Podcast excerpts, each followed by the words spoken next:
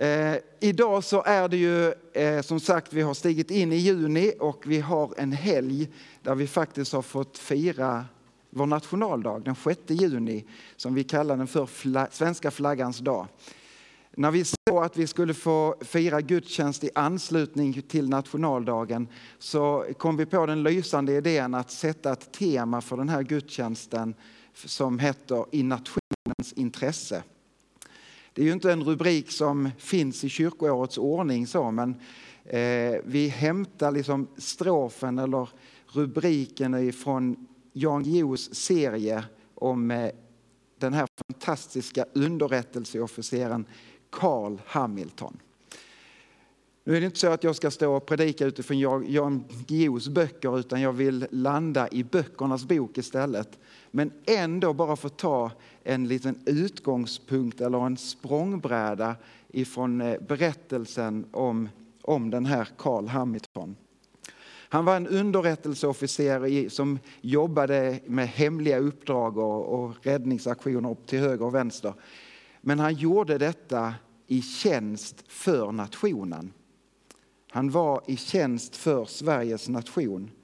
Och något senare i den här serien så kommer han att hamna i Moskva på ambassaden som militärattaché och han, han agerar där utifrån ambassaden i nationens intresse. När jag lekte med den här tanken och de här stroferna så kom jag att tänka på ett tillfälle 2015 då EFS hade samlat alla sina dåvarande Eh, medarbetare till medarbetardagar i Etiopien. Vi flögs ner dit och fick fantastiska dagar tillsammans i samband med att vi faktiskt firade, hade ett jubileum för EFS mission, 150-årsjubileum. Vi samlades där faktiskt som en konsekvens utifrån den väckelse som drabbade Sverige i mitten på 1800-talet. Den väckelsen som födde en nöd i människors hjärtan för sin nästa. Och man kan fråga, vem var nästan för de här människorna som, som blev drabbade av Guds kärlek och vad Jesus hade gjort och vem Jesus var? Jo, nästan var den som bodde i granngården eller den som bodde i grannbyn. Men den här nöden drev också EFS att nå längre och man sände missionärer till eh, Afrika och som landade så småningom i Etiopien. Så där stod vi 2015 i Addis Abeba som en konsekvens utifrån att det var några personer som hade modet att följa Guds kallelse och Guds uppdrag. Under de här dagarna så var vi också inbjudna till Sveriges ambassad, där kopplingen till Carl Hamilton. Vi fick besöka ambassaden och eh, där ha en, en jubileumsfest eller en missionsfest. Och det var vackert och fint och det var så, så härligt för att när man stiger in på ambassaden och liksom det var första gången jag gick in på det sättet och, och det var nästan lite så här mitt i en främmande kultur så var det som att stiga in lite grann på svensk mark. Och kontrasten blev så stor när man fick ta snittarna som de hade serverat på, på brickor i minglet där och helt plötsligt så var det inte smaken av Etiopien utan smaken av Sverige. Den svenska maten. Och så fick vi en försmak av vårt hemland mitt i en främmande kultur. På den här festen så hölls det också några tal. Ambassadören och vår nuvarande missionsföreståndare eh, stod tillsammans och vi var samlade runt omkring och eh, ambassadören höll ett fantastiskt fint tal. Och han talade om vikten för eh, vad EFS hade fått betyda i relationen med Etiopien. Och faktiskt var det så att Sida också samma år firade sin närvaro i Etiopien utifrån de första svenska missionärerna. Så vi var med och skrev historia, inte bara i EFS perspektiv utan faktiskt i nationens historia. Men när den här fina ambassadören stod och höll sitt tal så var det ju inte bara det att han gjorde röst för sina egna tankar utan han var faktiskt en ambassadör för folket, för nationen, för regeringen och för kungahuset. Så hans hälsning var på något sätt Sveriges hälsning in till vår lilla rörelse EFS. Och så får Stefan Holmström också ta till orda och vänder sig mot, mot den här fina mannen och ger honom en gåva och får tala. Och det är inte bara ett möte de två emellan utan det är också på något sätt att Stefan han ställer sig där och talar en hälsning från hela EFS till faktiskt nationen.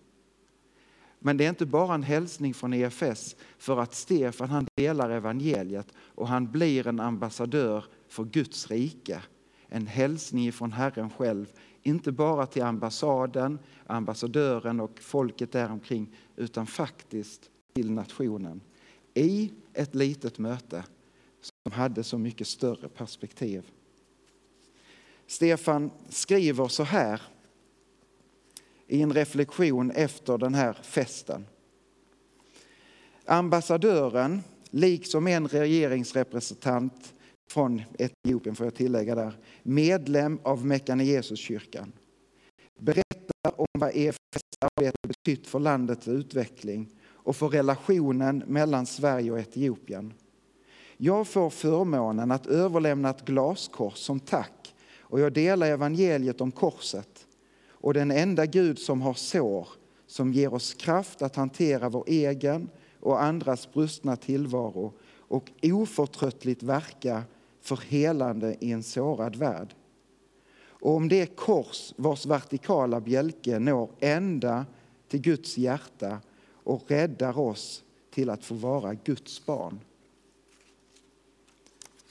Den hälsningen fick levereras i det där mötet när de stod ansikte mot ansikte.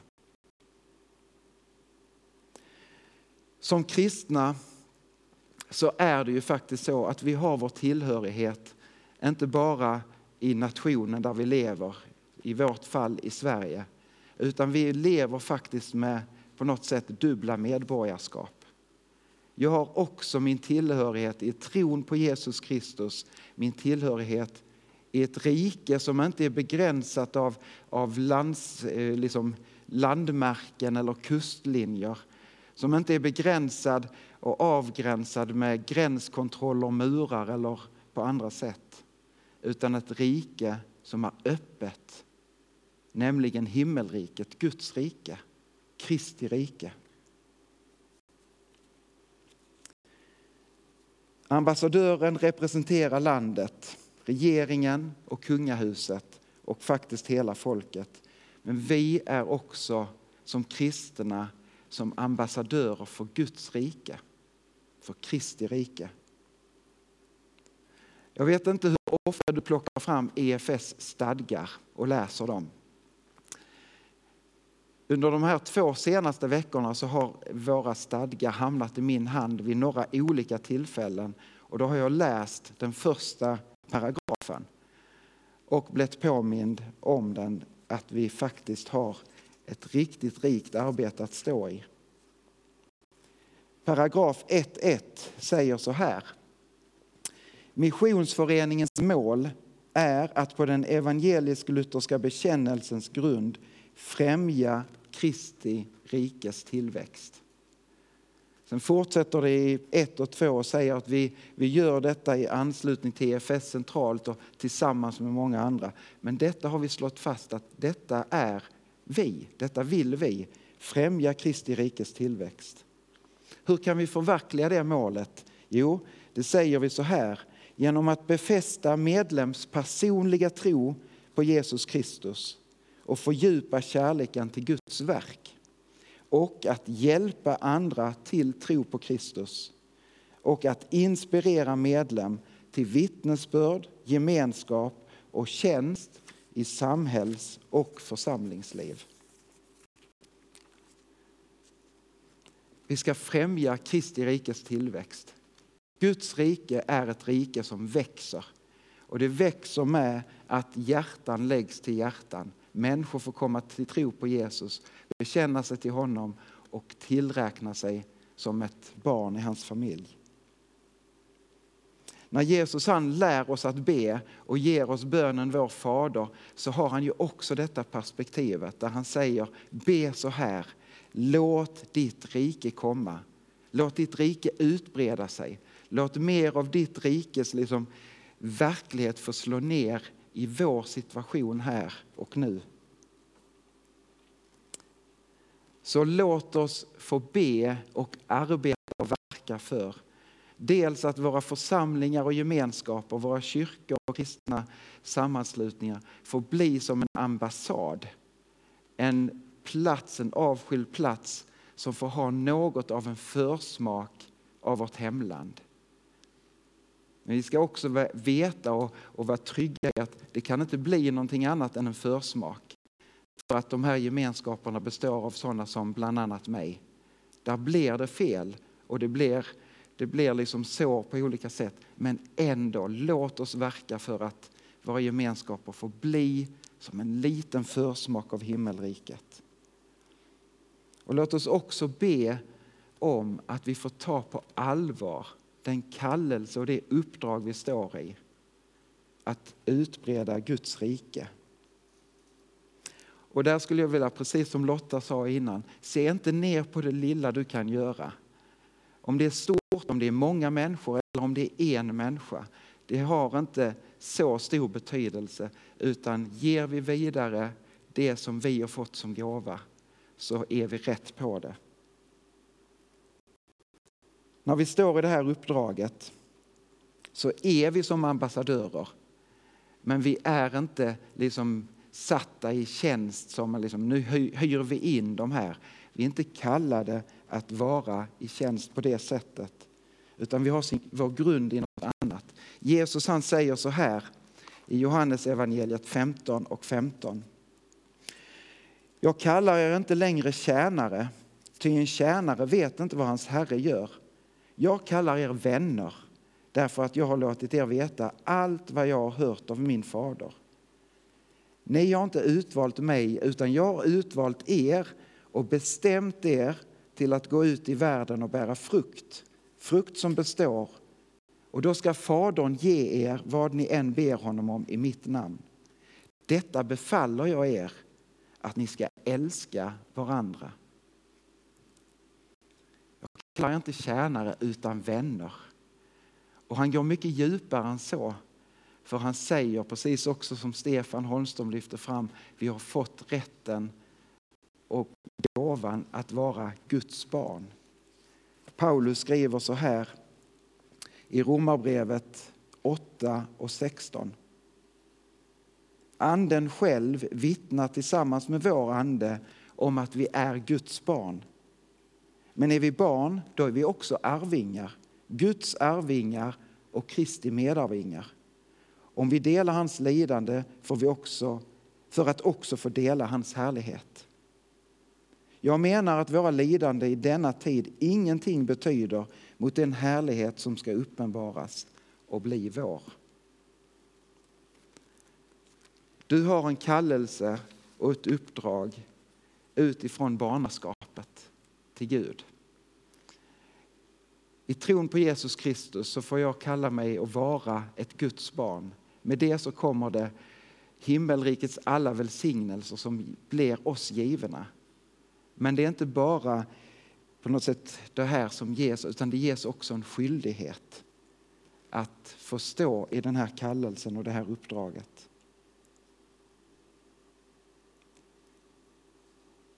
Så när du möter en person kanske ett litet möte, ett personligt möte, så för du inte bara din egen talan och du är inte dig själv nog, utan du är faktiskt också en talesman utifrån Guds rikets perspektivet. Och det lilla mötet blir då otroligt stort. Så när du delar ditt vittnesbörd med någon annan människa och delar din tro på Jesus Kristus med en annan människa. När du kanske får vara med och fråga, får jag lov att be för dig? Eller om du sträcker ut en hjälpande hand till någon som behöver hjälp så är det ett så mycket större perspektiv än bara ett litet möte. Det är kanske ett hjärta som kommer att läggas till i Guds rike. Och på det sättet så växer riket. Sången som vi fick höra här innan som Georg Gospel framförde så gott och frejdigt på 80-talet hade strofer som är enormt aktuella, inte minst i vår tid. Några axplock. I världen som vi lever förändras allting snabbt. Rotlösheten växer varje stund. Värderingar kan komma, värderingar kan gå. Fel igår är rätt idag. Men jag vet en sanning som bär mig genom allt. Herren är min klippa. Nog är det så att saker och ting kan förändras och det känns som att saker och ting kan förändras väldigt, väldigt snabbt. Värderingar som har legat där under långa, långa tider kanske kan ibland kännas som att de ruckas på. Och jag skulle vilja säga att det ligger i vår nations intresse att det på nytt mer och mer skulle få präglas av Guds rikes förutsättningar. Jag skulle vilja säga att det ligger i vår nations intresse att det får bli en tid igen som bland annat drabbade vårt land i mitten på 1800-talet. I mitten på 1800-talet så kan man säga att det var tydligt tre rörelser som räddade det här landet. Som räddade det här landet ifrån en extrem fattigdom. Det hade varit hungersnöd flera år på raken och folk flydde det här landet för att överleva. Det var fattigdom, det var misär, det var riktigt tuffa tider. Då är det tre rörelser som, som går, bryter fram i den här tiden. Det är arbetarrörelsen, det är nykterhetsrörelsen, men inte minst väckelserörelsen. Väckelserörelsen var med och förvandlade det här landet. Och det ligger fortsatt i vår nations intresse, då talar jag om Sveriges nation, att det här landet behöver drabbas av en väckelse på nytt. Där människors nöd får nöd för sin nästa. Vårt land är i behov av att få se människor och samhällen förvandlade av Jesus. Och du min kära vän är en del av det, den rörelsen. Du har en kallelse att vara en del. Du har en kallelse som inte bara uttalas av människor utan som uttalas av Gud själv. Och han säger, jag sänder dig inte ensam i detta uppdraget utan jag går själv med dig. Din hel, min heliga ande tar boning i ditt inre och med, med kraften ifrån mig så ska du få kraften att dela livet och tron var helst du befinner dig varje dag. Vill du vara med och be tillsammans med mig för nationen, för Guds rikes utbredande och för modet att ställa oss i Guds kallelse och leva ut den. Låt oss be tillsammans.